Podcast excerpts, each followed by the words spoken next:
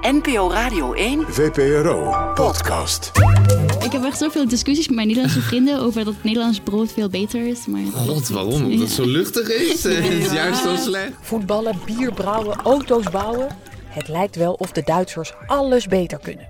Met voorop Angela Merkel, volgens velen buiten Duitsland de onbetwiste aanvoerder van Europa. Wir schaffen das.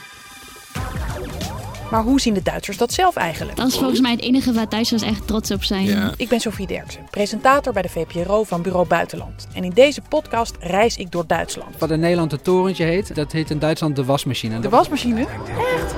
Na 16 jaar vertrekt Merkel. Es war mir eine Freude. Hoe kijken vooral jongere Duitsers op haar terug? als ze gewoon heel eerlijk zou zijn en dat ze nu moeten zeggen: stemt niet op mijn partij. Generatie Merkel.